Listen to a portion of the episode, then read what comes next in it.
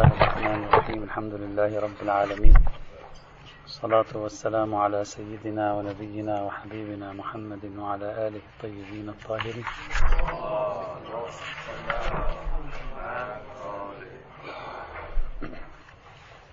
كنا نتكلم عن رواية أبان بن تغلب ذكرنا أن الرواية صحيحة الإسناد خلافا لمن ضعفها ثم تحدثنا عن متنها وقلنا بأن متنها ليس فيه مشكلة خلافا لمن ضعف متنها مثل الشيخ الصانعي. ثم تكلمنا عن احتمالات صدورها تقية ثم ناقشنا في هذا الاحتمال. ثم تكلمنا عن احتمال تفسيري فيها طرحه السيد محمد حسين فضل الله ثم ناقشناه أيضا. ووصلنا إلى النقطة السادسة في تحليل رواية أبان بن عثمان في موضوع الديات. عفوا. ابن تغلب أبان بن عثمان. السيد الشهيد محمد باقر الصدر قدم تفسيرا لرواية أبان بن عثمان ضمن بحثه عن حجية الدليل العقلي. آه. عدنا قلنا أبان بن عثمان. أبان بن تغلب في سياق بحثه عن حجية الدليل العقلي وقال بأن هذه الرواية في الحقيقة تنهى عن ترك الفحص عن الأدلة الشرعية والتوغل في الأدلة العقلية. يعني فهم منها أن هناك بعض الأشخاص يتركون البحث والفحص في الأدلة الشرعية ويركزون على البحث والفحص فيما تستقل به عقولهم أو ما يمكن أن يستنتجوه بأنظارهم الشخصية. فيسرعون إلى تبني الموقف أصلا ولا يلتفتون إلى موقف الشريعة أو موقف النصوص في هذا المجال. لذلك هو يقول يقول وإما أن تكون ناظرة إلى التأنيب يتكلم عن بعض الروايات التي قد تكون ناظرة إلى التأنيب على ترك الفحص في الأدلة الشرعية والتوغل في الأدلة العقلية بسرعة وقبل مراجعة الشارع. كما يفعل بعض الناس اليوم. هو خلاص يخرج بنتيجة من بمجرد أن يقارب هو القضية بذهنه الشخصي دون أن يكون مستعدا لمراجعة الأدلة في الكتاب والسنة. كما لعله سيد الشهيد يقول كما لعله المستظهر من رواية أبان المشهورة والصحيحة سندا رغم ما قيل من ضعفها سندا كأنما يعرض بالسيد الخوئي الذي تكلمنا بالأمس عن أنه كان في مرحلة من حياته يضعف سند رواية أبان وسبق أن ناقشناه. كما لعله المستظهر من رواية أبان المشهورة والصحيحة سندا رغم ما قيل من ضعف سندها فإنها ناظرة يقول ناظرة إلى هذا المعنى عندما تسرع أبان إلى القطع بالحكم الشرعي. بينما لو كان قد فحص ودقق أكثر لزال القطع المذكور كما هو الحال في كل جاهل يراجع العالم. وهذا هو ما يعبر عنه بالتقصير في المقدمات. كأنما السيد الشهيد الصدر يريد أن يقول بأن رواية أبان تنهى عن التقصير في المقدمات. يعني لا تستعجل وتصل إلى بيان إلى موقف فقهي قبل أن تستنفذ البحث في المقدمات الشرعية. فأنت مباشرة مثلا تنظر إلى القضية بذهنك تتعامل معها بشكل كلي تقول مقتضى تشخيصي أن هذه القضية الشرع لابد أن يحكم فيها بذلك.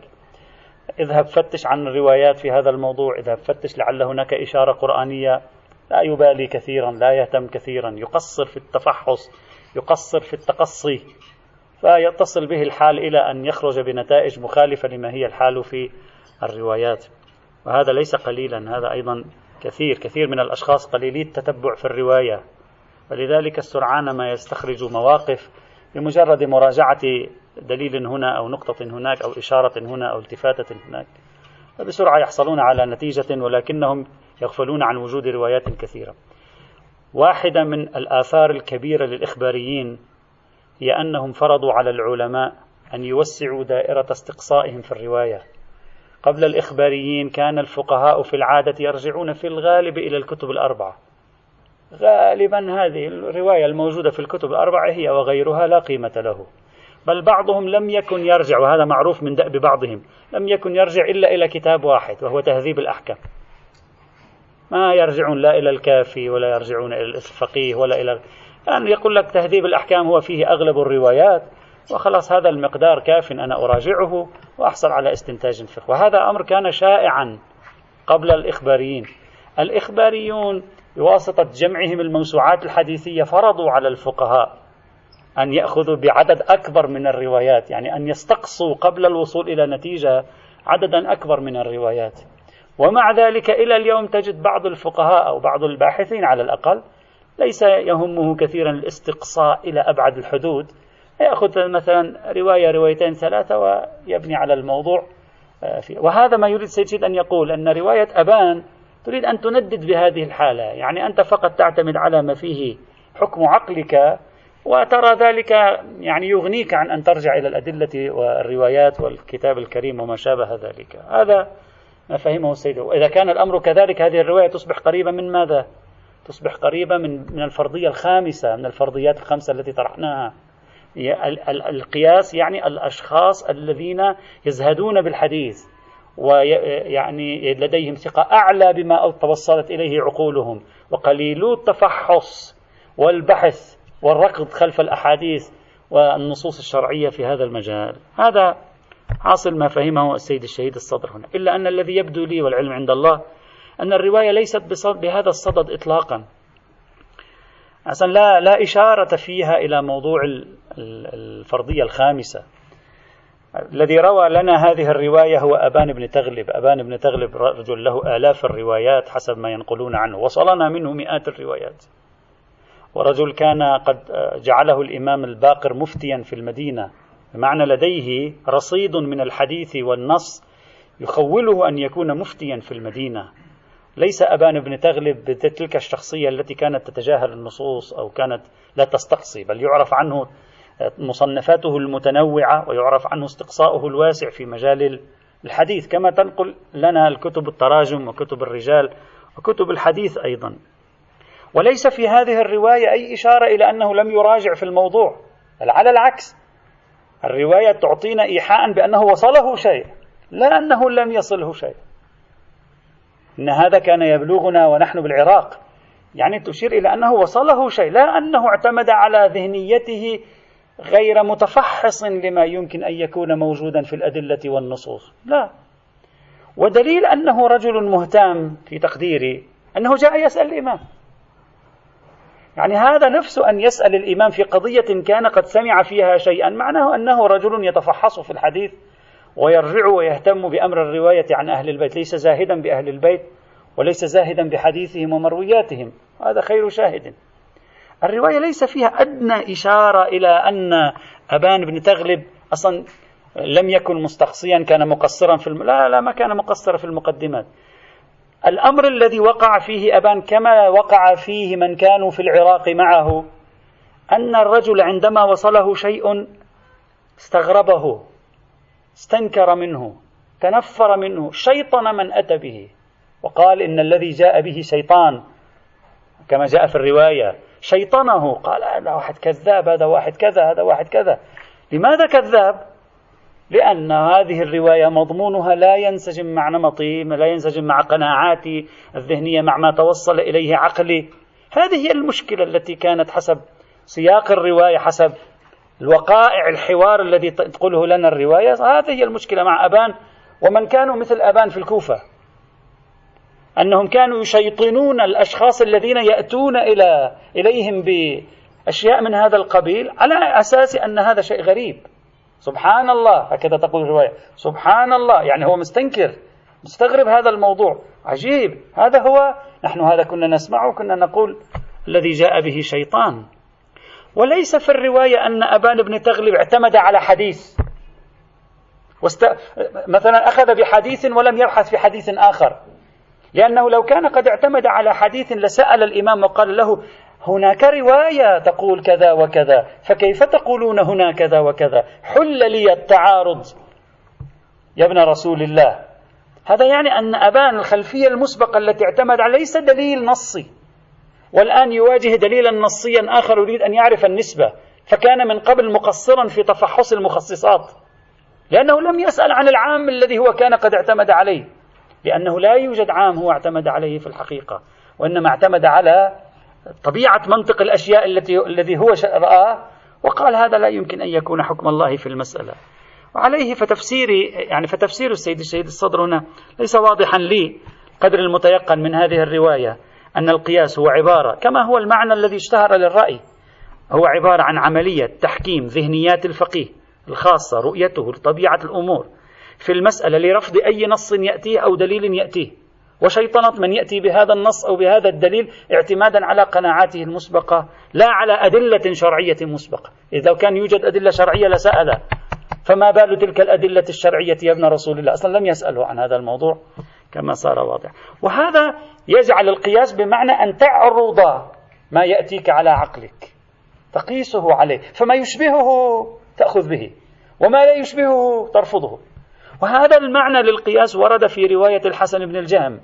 الحسن بن الجهم عن العبد الصالح قال إذا جاءك إذا كان جاءك الحديثان المختلفان فقسهما على كتاب الله. استخدم مفردة القياس.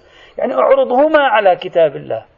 فالقياس بمعنى العرض فأنت تعرض ما يأتيك على ما في عقلك ووجهة نظرك الشخصية. وتجعل وجهة نظرك الشخصية. وما استبد به عقلك. هو المعيار في تصحيح ما جاءك أو القبول بما جاءك من أدلة. فقسهما على كتاب الله وعلى أحاديثنا. فإن أشبههما فهو حق. يعني خذ إذا كان شيء يشبه ما في أحاديثنا فإذا هو مقبول. وإن لم يشبههما فهو باطل. طبعا بعدين هذه الرواية سنستفيد منها عندما نتكلم عن الروايات المعارضة. الروايات التي يستدل بها على قبول أهل البيت بالقياس. لأن هذه الرواية ماذا تقول؟ تقول إن أشبههما. يعني إذا كانت الرواية التي جاءك تشبه كلامنا وكلام القرآن فإذا هو عمل بالقياس هنا. يعني قسهما على الكتاب والسنة فإذا كان يشبه فهو. إذا لا يشبه فليس هو. قد واحد يتصور أن هذه الرواية تدل على حجية القياس. حجية أي قياس؟ قياس الشبه. لا على حجية القياس بمعنى تحكيم العقول اللي هو الفرضية الثالثة وإنما على حجية القياس بمعنى قياس الشبه اللي هو الفرضية الثانية بعدين راح نتعرض لهذا الموضوع إن شاء الله تعالى.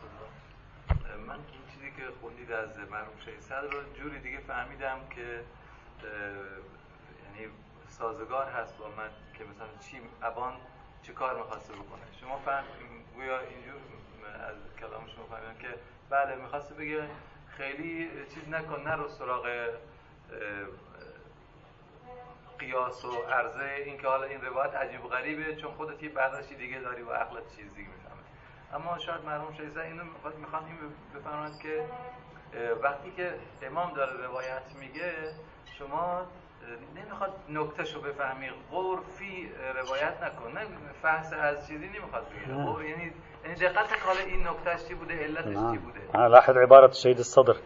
يقول إما أن تكون ناظرة إلى التأنيب على ترك الفحص في الأدلة الشرعية. ترك الفحص في الأدلة. يعني في الأدلة الشرعية نعم. عن الأدلة الشرعية. نعم. ترك الفحص فيها والتوغل في الأدلة العقلية بسرعة وقبل مراجعة الشارع. هو فهم منها أنك تبت في القضية يحصل عندك بت في القضية مستغنيا عن المراجعة. يقول لك لا تبت في القضايا. أولا عليك أن تفحص تراجع بعدين تبت بعد المراجعة.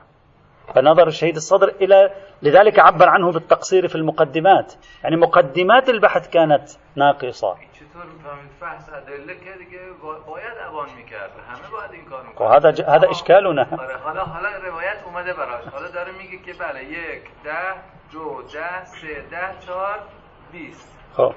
این دیگه ول کن دیگه نمیخواد تبغل کنی لا لا ليس نظر السيد الشهيد إلى فكرة التعمق في الدين كما ورد في بعض الروايات. لا مراد السيد الشهيد أنه فكرة أنها أنه لا يفحص الأدلة الشرعية. مثل بعض الناس الآن. يكفيه مثلا رأى آية قرآنية لها دلالة عامة معينة هو أيضا اقتنع بهذه الفكرة بحسب تركيبته الدنيا لا حاجة للبحث في النصوص. هذا المعنى نعم. طيب. هذا خلاصة يعني التصور الذي توصلنا إليه في دراسة رواية أبان والنتيجة أن رواية أبان ظاهرة أو قدرها المتيقن الفرضية الثالثة أولئك الأشخاص الذين يعملون أنظارهم الشخصية في, تحك في الحكم على ما يأتيهم من أدلة أو نصوص أو روايات أو ما شابه ذلك. أما ما علاقة رواية أبان بإلغاء الخصوصية وتنقيح المناط وأمثال ذلك هذا رح يجي فيما بعد. عندما ننتهي من هذه المجموعات سنعقد بحث كل هذه المجموعات ما هو تأثيرها على القواعد التي كنا قد نظرنا لها سابقا. تنقيح المناط وإلغاء الخصوصية وتخريج المناط وقياس منصوص العلة ومناسبات الحكم والموضوع ومذاق الشارع وإلى آخره. فيما بعد سنجري هذه المقارنة لنرى هل هذه المجموعات الحديثية تهدم كل هذه القواعد أو هذه المجموعات الحديثية أصلا خارج إطار هذه القواعد؟ هذا فيما بعد سنبحثه إن شاء الله. الرواية ما قبل الأخيرة الخامسة والعشرون. خبر الحسن بن راشد. قال قلت لأبي عبد الله عليه السلام الحائض تقضي الصلاة. هذا في بحث القياس. ما في غير قسطين ثلاثة. التضليل والحائض والبول والمني هذه ثلاثة هي الأساسية. دائما هذه الأمثلة تتكرر كما رأينا. يبدو أخذت حيزا كبيرا من الجدل. قال قلت لأبي عبد الله الحائض تقضي الصلاة؟ قال لا. قلت تقضي الصوم؟ قال نعم. قلت من أين جاء ذا؟ كيف هكذا يعني؟ لماذا؟ سائل الحسن بن راشد. يسأل الإمام الصادق عليه السلام. يقول له الحائض تقضي الصلاة؟ قال نعم. قال تقضي الصوم؟ عفوا. تقضي الصلاة؟ قال لا. قلت تقضي الصوم؟ قال نعم. قلت من أين جاء ذا؟ قال إن أول من قاس إبليس. ما يقول له من أين جاء ذا؟ يقول له إن أول من قاس إبليس. قلت والصائم يستنقع من الماء في الماء يعني يجلس. في داخل الماء. قال نعم. قلت فيبل ثوبا أو فيبل ثوبا ثوبه يبله بالماء ويضعه على جسده. قال لا. إيه، يجلس في الماء لا بأس. يبل ثوبا على جسده هذا أروح له. كيف هذا يعني؟ قال لا. قلت من أين جاء ذا؟ قال من ذاك. ذاك يعني نفس السؤال الجواب الأول يعني من إبليس. قلت الصائم يشم الريحان. قال لا لأنه لذة ويكره له أن يتلذذ. هذه الرواية التي وردت في كتاب الكافي للشيخ الكليني ونقلها أيضا الشيخ الطوسي في كتابيه التهذيب والإستبصار. لا شيعي. الآن س... يعني في أكثر من شخص اسمه الحسن بن راشد. الآن سنحلل. هذه الرواية أولا قبل أن نبدأ بتحليل دلالتها وردت في كتاب الكافي في موضعين. نفس الرواية تقريبا وردت في موضعين في كتاب الكافي بسند متحد فيه اختلاف بسيط. في المورد الأول هكذا قال علي بن إبراهيم عن أبيه عن الحسن بن راشد. في المورد الثاني هكذا قال علي بن إبراهيم عن أبيه عن ابن أبي عمير عن الحسن بن راشد. يعني مرة توسط ابن أبي عمير مرة لم يتوسط ابن أبي عمير. طيب. ويبدو أن هناك سقط في الرواية في السند في أحد الموضعين. يبدو أن ابن أبي عمير ربما يكون الراجح. لماذا؟ لأن الشيخ الطوسي في التهذيب ينقل الرواية وفي سندها ابن أبي عمير. ينقلها عن الكليني يعني لكن في سندها ابن أبي عمير. ربما يكون الراجح أن ابن أبي عمير موجود في السند. لأن إبراهيم بن هاشم يصعب أن يروي عن شخص من أصحاب الإمام الصادق كما سوف نحلل الآن بعد قليل. إبراهيم بن هاشم من الصعب أن يروي عن شخص في طبقة الإمام الصادق. حسن بن راشد هذا في طبقة الإمام الصادق ولم يبلغ طبقة الإمام الرضا أصلا. بينما إبراهيم بن هاشم أقصى ما في الأمر أنه كان في طبقة الإمام الرضا. قيل ولد في زمن الإمام الكاظم لكن كان في طبقة الإمام الرضا. هلا روى عنه لم يروي عنه بحث آخر. فمن الصعب أن لازم يكون في واحد مثلا وسيط في السند. فيترجح أن هناك سقط في السند كان في أحد الموضعين وبالتالي ابن أبي عمير يفترض أن يكون في هذا السند. على أي حال. بصرف النظر عن هذه القضية. الحسن بن راشد هنا يروي عن الإمام الصادق عليه السلام. وهذا معناه أنه ليس هو الحسن بن راشد البغدادي الثقة. في عندنا الحسن بن راشد البغدادي الثقة. هذا الشخص في طبقة الإمام الجواد والهادي حتى ليس في طبقة الإمام الرضا. يعني هذا متأخر جدا في طبقة الإمام الجواد والهادي وما بعد.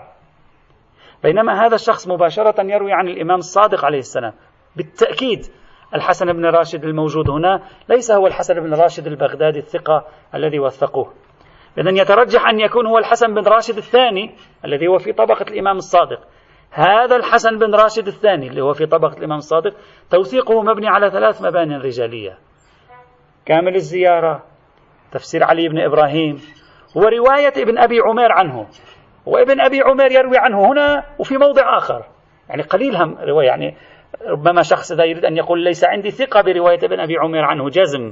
لكن هذه هي المباني الثلاثة. فمن يبني على واحد من هذه المباني الثلاثة يمكنه أن يعتبر الحسن بن راشد ثقة وبالتالي تكون الرواية معتبرة من حيث الإسناد. وإلا فسندها فيه مشكلة بنفس صاحبها وهو الحسن بن راشد. هذا من حيث الإسناد. أما من حيث الدلالة في تقديري أن هذه الرواية تحتمل احتمالين. الاحتمال الأول أن ابن راشد لما قال له من أين جاء ذا؟ هو يعترض. يعني هو يقوم بعملية اعتراض. يقول من أين جاء ذا؟ شو هذا الكلام هذا؟ يعني تعبيرنا اليوم. ما هذا الكلام؟ فهو يعترض. هذا احتمال أنه في سياق اعتراض. وبالتالي يكون قد مارس القياس بأي معنى؟ بقدر المتيقن. بمعنى الاعتراض على ما جاء به الدليل. قال هذا لا, لا يمكن القبول به. ما هذا الكلام الغريب العجيب؟ فحينئذ تكون الفرضية الثالثة هي المتيقنة في هذا الحديث. ويعزز ذلك أن الإمام أجابه بإبليس. وإبليس مشكلته ليست القياس خارج النص وإنما مشكلته ممارسة القياس مع وجود النص. فيتعزز أن كلمة من أين جاء ذا؟ سيقت لأجل الاعتراض على الإمام عليه السلام. فالإمام عليه السلام أجابه لا تعترض بمثل هذه الاعتراضات فهذه الاعتراضات فعل إبليس. هذه الاعتراضات فعل إبليس. لذلك أقحم له إبليس. قال هذا التصرف خطأ. هذا تصرف إبليسي. لا تفعل آه، ذلك مرة أخرى. بهذا المعنى. هذا احتمال أول. احتمال الثاني لا أن ابن راشد لا يعترض. يسأل عن العلة. ما الوجه في هذه القضية؟ ما الوجه في هذه ما الوجه في أن الحائض تقضي الصوم ولا تقضي الصلاة؟ ما الوجه في التفريق بين الاستنقاع في الماء وبين بل الثوب ووضعه على الماء؟ ما الوجه فيهما؟ سؤال استفهامي ليس استنكاريا فقط كاستفهام يقول. بناء على هذا الاحتمال الثاني رفض الإمام سؤاله رفض الإمام لسؤاله معناه أن الإمام ينهانا عن الأسئلة في الملاكات والعلل. هكذا يعني لا تسألوا عن لماذا. ولو كان سؤالكم هذا سؤالا بريئا لا يحمل أي اعتراض. فقط لمزيد من المعرفة ما الوجه في هذه القضية؟ فكأن الإمام لا يعجبه أن تتوجه سؤال إليه في هذا الموضوع وأصحابه مثلا يهتمون بمثل هذا الأمر. إما لأن أصل السؤال عن العلل الثبوتية مرفوض أو لأن الإمام خاف إذا فكروا كثيرا في العلل الثبوتية يقومون بالخطأ واستخدامها وبالتالي الخروج عن دلالات النصوص. أي من هذين الاحتمالين هو الراجح؟ يبدو لي والعلم عند الله أن الاحتمال الأول أرجح بحسب السياق. بحسب السياق الاحتمال الأول أرجح. ويشهد على ما أقول أن أهل البيت في أي وقت من الأوقات لم يكونوا يجدوا حرجا في أن يسألوا عن العلل. ما عندهم حرج. مئات الروايات سئل فيها الأئمة عن العلل وأجابوا. ما العلة في كذا وكذا؟ أجاب. رواية الفضل بن شاذان رواية محمد بن سينا عشرات المواضع. القرآن أيضا تكلم عن العلل؟ لماذا الإمام هنا يعتبر أن السؤال عن العلل هو فعل إبليس؟ أين فعل إبليس؟ وسأل عن العلة. ما سأل عن العلة في مكان معين. طبيعة جواب الإمام عدم معروفية اعتراض الأئمة عن السؤال عن العلل بل على العكس معروفية أنهم كانوا يقبلون بالسؤال عن العلل وكانوا يجيبون. ما كان عندهم حرج في هذا الموضوع. إذا هذا يعزز أكثر لا أقول أجزم لكن يعزز أكثر الاحتمال الأول أن يكون الحسن بن راشد كان في سياق اعتراض لذلك مباشرة واجهه الإمام قال له هذا سلوك غير صحيح وهذا فعل إبليس إياك أن تسلك مسلكا من هذا النوع. بناء وعليه وعليه فهذه الرواية قدرها المتيقن خلينا نعتبر أو يعني ممكن أن نقول الراجح منها أن تكون ناظرة إلى الفرضية الثالثة وليست ناظرة إلى فرضيات أخرى فقط أشير هنا إلى أن هذه العبارة أول من قاس إبليس. اللطيف هذه العبارة ليست فقط مروية عن الأئمة عليهم السلام. رأينا أنها تكررت ثلاث أربع مرات. رويت عن الإمام علي رويت عن الإمام الصادق. لكن هذه الجملة بعينها في مقام النهي عن القياس رويت في كتب السنة عن ثلاثة من التابعين عن ثلاث شخصيات. التابعين والصحابة. رويت عن ابن عباس هو قالها مش قال عن النبي هو قال. في مقام الاعتراض على القائسين. هكذا رووا. عن ابن عباس رويت عن الحسن البصري رويت هي نفسها. ورويت أيضا عن ابن سيرين وثلاثة من العلماء والفقهاء.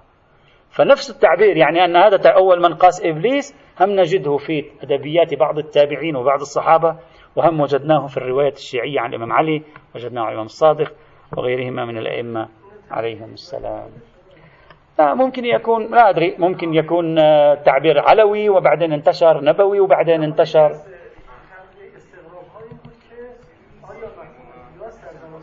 لا هذا بصرف النظر عن هذه الإشكالية. أنا فقط أريد أن أقول أن هذه العبارة ليست عبارة شيعية فقط. يعني هذه العبارة نقلت في المصادر السنية التي اعترضت على القياس. في كتب السنة الذين انتصروا للقياس ذكروا أدلة المعترضين مثل الجصاص في كتاب الفصول وغيرهم. من جملة أدلة المعترضين حشدوا روايات عن الصحابة والتابعين. روايات أو مواقف عن الصحابة والتابعين معارضة للقياس. عندما تقرأ هذه المواقف تجد تعابير شبيهة بالتعابير الواردة في الروايات الإمامية عن أهل البيت. هلا ممكن يكونوا تأثروا بأهل البيت؟ ممكن يكون أحدهم وضع بعد أن رأى رواية أهل البيت ممكن يكون بالعكس. هذا تحليل آخر. فقط أردت أن أشير إلى هذه القضية. عفوا شيخنا. لا نعم. يعني أنا في تقديري صار عندنا عدة تعبير هذا كليشيات يعني. قضية الحائض قضية إبليس قضية مثلا البول والجنابة. هذه أشبه رأيناها تتكرر كثيرا كأنما هي نفس الإشكالات كانت تتكرر في كل موضع. ورأينا أن هذه الإشكالات لو تلاحظونها الحائض والبول والجنابة والخباء كلها في العباديات. باستثناء رواية أبان في باب الديات. فأغلب الملاحظات كانت في الأبواب العبادية. بعدين سنتكلم عن هذا. مثلا مثلا. نعم هو فقيه. نعم عند أهل السنة من فقهاء التابعين. نعم. الرواية السادسة والعشرون والأخيرة في هذه المجموعة الأساسية. خبر عوالي اللآلي وغير عوالي اللآلي. هذا الخبر موجود في عوالي اللآلي وموجود في بعض الكتب الأصولية السنية بلا سند. لم أعثر له على سند صحيح يعني. عن النبي صلى الله عليه وعلى آله وسلم قال هذه من الروايات التي الإنسان دائما عليه أن يعني يعني يتريث في القبول بها أو عدم القبول يتأملها تاريخيا. تعمل هذه الأمة برهة بالكتاب أو برهة بالكتاب وبرهة يعني مدة زمنية بالسنة وبرهة بالقياس. يعني كأنما يريد أن يوصف حال الأمة الإسلامية. في مقطع زمني معين هذه الأمة ستعمل بالقرآن. وفي مقطع زمني آخر هذه الأمة ستعمل بالسنة. في مقطع زمني ثالث هذه الأمة ستعمل بالقياس. فإذا فعلوا ذلك فقد ضلوا. فإذا فعلوا ذلك فقد ضلوا. فتفهم هذه الرواية ب طبعا هذه التعبير كتاب وسنة. يجب أن يتريث الإنسان كثيرا في أن النبي يستخدم كلمة الكتاب والسنة.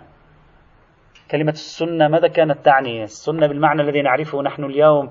النبي ما كان يستخدمه. هذه كلمة السنة في اللغة العربية مثلا تعطي بمعنى الطريقة أكثر مما تعطي معنى القول مثلا. هذه من المصطلحات. كلمة قياس كلمة سنة. يحتاج الإنسان يتريث فيها. ثم ماذا قال؟ فإذا فعلوا ذلك فقد ضلوا. تحتمل احتمالين. إذا عملوا بالكتاب لوحده. ثم بعد فترة عملوا بالسنة لوحدها هكذا يظهر. ثم بعد فترة عملوا بالقياس. فتحتمل أن عملهم بالقياس ضلال وتحتمل أن تفريقهم بين الثلاثة ضلال. أنه هو, هو ماذا يقول؟ فإن فعلوا ذلك ذلك إلى ما ترجع كلمة ذلك. هل ترجع إلى كلمة القياس؟ محتمل. فتكون الرواية واردة في النهي عن القياس.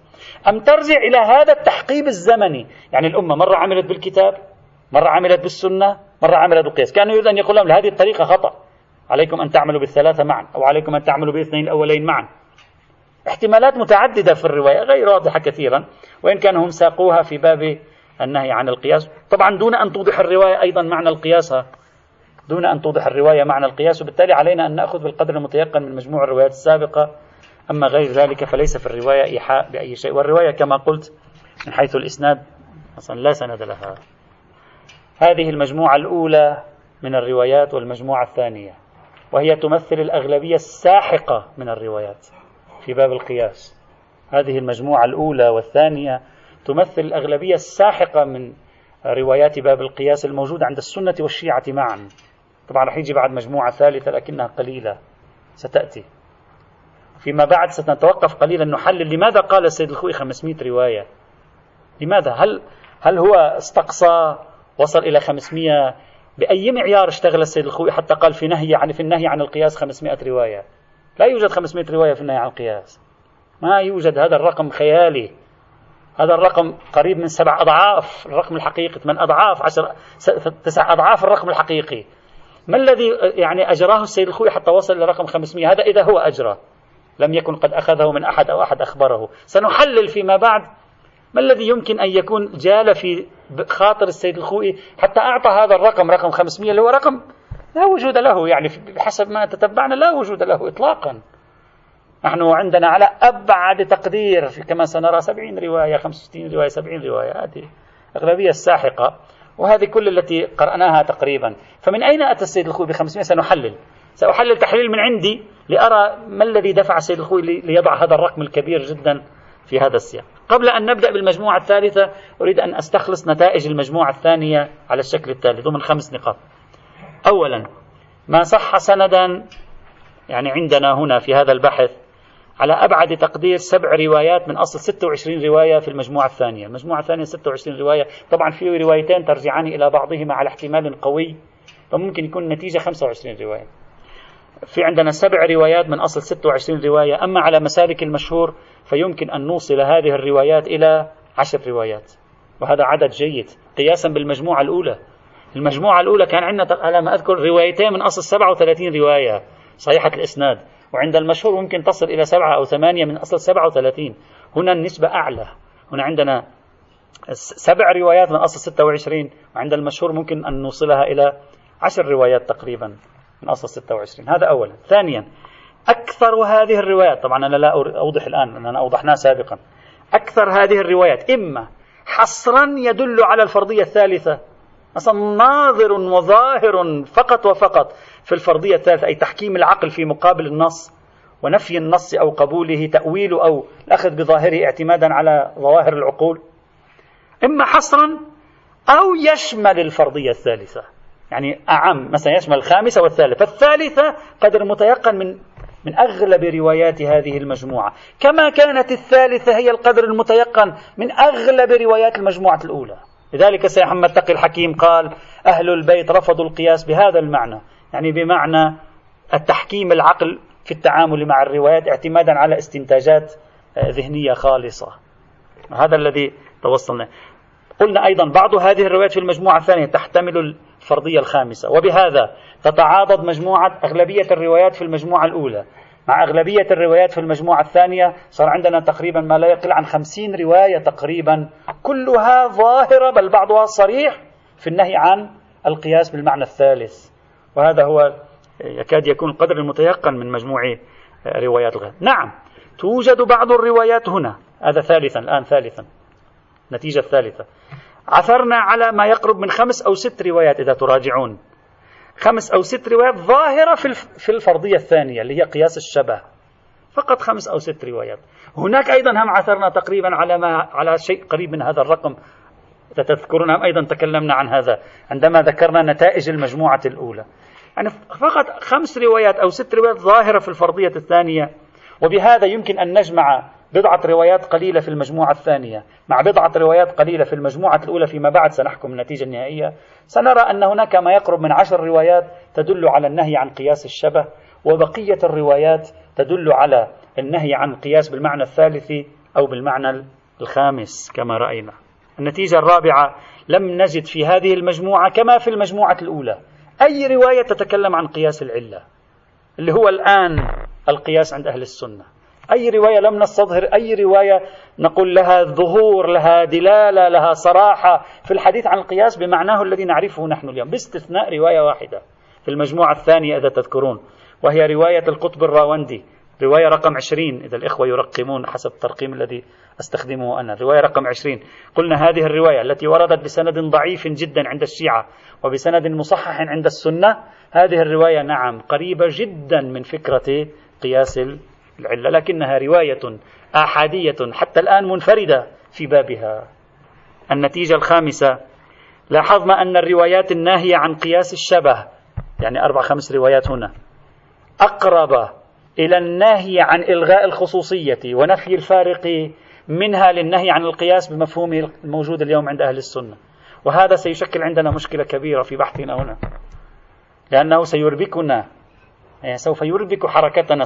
معنى ذلك أن نظرية نفي الفارق وإلغاء الخصوصية وتنقيح المناط وهذه المنظومة مذاق هذا كله سوف يكون باطل بحكم هذه الروايات التي وردت هنا الروايات القليلة التي تكلمت عن قياس الشبه. كيف نحل هذه المشكلة؟ سوف يأتي معنا لاحقا إن شاء الله تعالى. وعليه فحتى الآن توصلنا إلى قرابة 63 رواية أغلبيتها الساحقة ترفض الفرضية الثالثة والخامسة وعدد قليل منها يرفض الفرضية الثانية وغالبيتها الساحقة. بل لا نكاد نعثر على رواية جدا في باب النهي عن القياس بمعنى قياس العلة. لا نقول لا تشمل محتمل لكن لا, لا ظهور. النتيجة الخامسة الروايات القليلة التي دلت على النهي عن قياس الشبه. رأينا أنها قريبة جدا من أن تنهانا عن فكرة إلغاء الخصوصية ونفي الفارق وما شابه ذلك. سنرى هل هذا صحيح؟ غير صحيح. هل له حل؟ ليس له حل؟ سنرى. المجموعة الثالثة والظاهر أنها الأخيرة. مجموعة صغيرة هذه. النصوص الرافضة لمعيارية العقل في الدين. الدين لا يعرف بالعقل.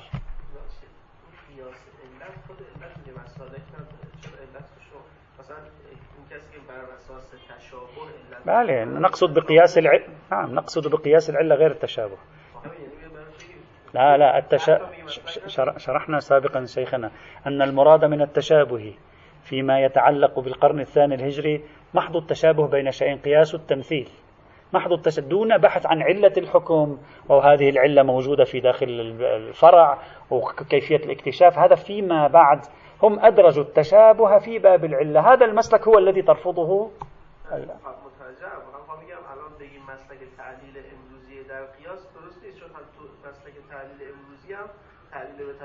عليه قلنا التعليل بالتشابه الآن شبه مهجور. يعني عندما تتكلم عن التعليل الآن عند أهل السنة يعني علة منصوصة الإيماء والتنبيه الإجماع هذا معرفة العلة عبر هذه. مسلك المناسبة وهو أهمها مسلك الصبر والتقسيم هذه هي المسالك الأساسية. لا المناسبة معرفة الملاك الثبوتي ثم ملاحظة ما هي الصفة التي تكون في الشيء تتناسب مع الملاك الثبوتي لا علاقة بفكرة التشابه. يعني التشابه بالكلمة اللغوية العامة لا علاقة لها. المجموعة الثالثة هي المجموعة التي تقول لا تعملوا عقولكم في الدين. الدين لا مجال فيه لإعمال العقل والمطلوب فيه التسليم فقط. توجد بعض الروايات التي لا بد أن نستعرضها هنا وهي الرواية الأولى. نذكر اليوم رواية على الأقل. خبر أبي حمزة الثمالي الروايات الرافضة لمعيارية العقل في الدين بوصفها ناهية عن القياس أو شاملة للقياس. بهذا المعنى.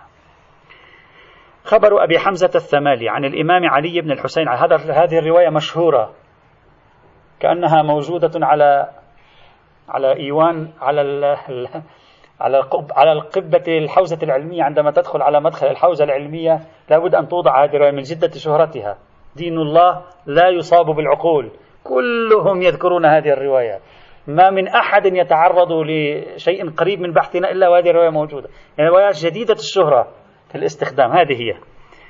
هذه الرواية طبعا نقلها لنا فقط وفقط الشيخ الصدوق في كمال الدين. يعني رواية يعني ليست متداولة في أي مصدر حديث باستثناء كتاب الشيخ الصدوق كمال الدين وتمام النعمة رواها بسند واحد الآن سنتكلم عنه. عن الإمام علي بن الحسين عليه السلام قال إن دين الله عز وجل لا يصاب بالعقول. طبعا الكثيرون لما قالوا دين الله ما المقصود مقصود بدين الله؟ مباشرة قالوا يعني الفقه. يعني إذا كان دين الله لا يصاب بالعقول دخلنا علم الكلام مشكلة كبيرة جدا. فقال وليس المقصود منها التوحيد وإثبات الوجود الله وإثبات النبوة هذه بالعقول تصاب. كيف ستصاب بغير العقول؟ يلزم منه الدور. فأخرجوا فسروا كلمة دين الله على أن المراد منه الشريعة. وطبعا واضح لماذا فعلوا ذلك. وطبعا السياق فيما بعد هم سيساعد. إن دين الله عز وجل لا يصاب بالعقول. هذه هي الرواية التي نعرفها نحن صحيح؟ دين الله لا يصاب بالعقول لكن الرواية ليست كذلك. الرواية هكذا. إن دين الله عز وجل لا يصاب بالعقول الناقصة والآراء الباطلة والمقاييس الفاسدة ولا يصاب إلا بالتسليم. فمن سلم لنا سلم ومن اقتدى بنا هدى أو هدي ومن كان يعمل بالقياس والرأي هلك. ومن وجد في نفسه شيئا مما نقوله أو نقضي به حرجا كفر. عفوا. ومن وجد في نفسه شيئا مما نقوله أو نقضي به حرجا كفر بالذي أنزل السبع المثاني والقرآن العظيم وهو لا يعلم. هذه هي الرواية المشهورة اللي هي دين الله لا دين الله لا يصاب بالعقول. هذه الرواية بعض العلماء المعاصرين قال لا يوجد لرواية اسمها دين الله لا يصاب بالعقول. وهو الشيخ علي دوست حفظه الله على ما جاء في بحثه في كتاب الفقه والعرف. هنا قال قال لا وجود هذه كلمة متداولة على يعني لا وجود لها لأن الصحيح أنها موجودة وموجودة في كتاب كمال الدين للشيخ الصدوق رحمة الله تعالى عليه. لعل الشيخ عندما نفى نفى قاصدا رواية أخرى لا أدري على أي حال. هذه الرواية أول شيء في دلالتها واضحة أنها ناظرة إلى الفرضية الثالثة. أصلا هذه نص في الفرضية الثالثة. لأنها وضعت العقول والمقاييس والرأي والآراء وضعتها في مقابل التسليم. يعني وضعتها في مقابل التسليم في مقابل الانقياد. ثم قال ولا يصاب إلا بالتسليم. ثم قال ومن كان يعمل بالقياس والرأي هلك. ومن وجد في نفسه شيئا أو مما نقوله أو نقضي به حرجا كفر. يعني عندما تأتي يأتيك الدليل عن الأهل البيت عليهم السلام في الكتاب في السنة يجب أن تسلم تسليما كاملا في مقابل أن تعترض في مقابل أن تبدي رأيك. هذا معنى. فهذه هذه الرواية أصلا أولا وبالذات ناظرة إلى الفرضية الثالثة وثانيا وبالعرب مثلا ناظرة إلى الرابعة والخامسة. مثلا الزهد في الحديث عدم الاهتمام بالحديث. أو الذهاب خلف الرأي إن لم نجد الحديث. ممكن هكذا.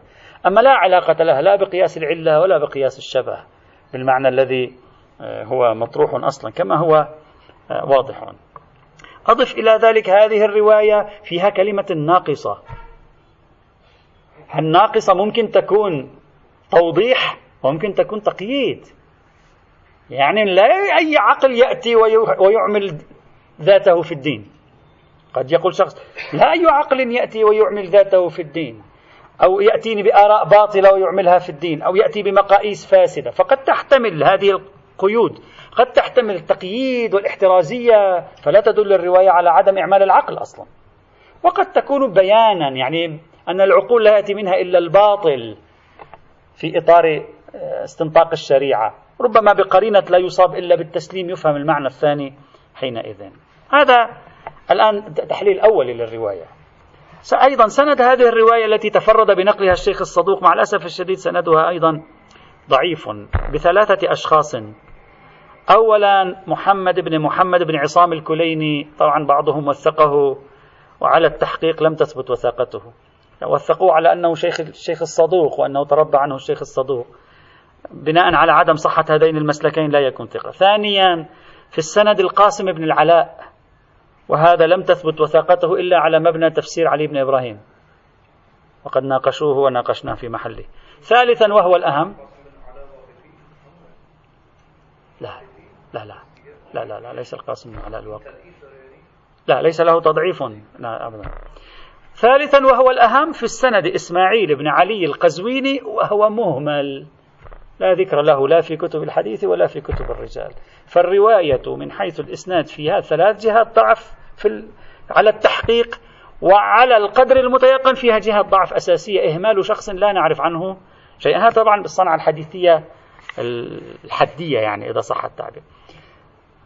غدا إن شاء الله نكمل في تحليل هذه الرواية وغير غدا الدرس يعني إن شاء الله تعالى. والحمد لله رب العالمين.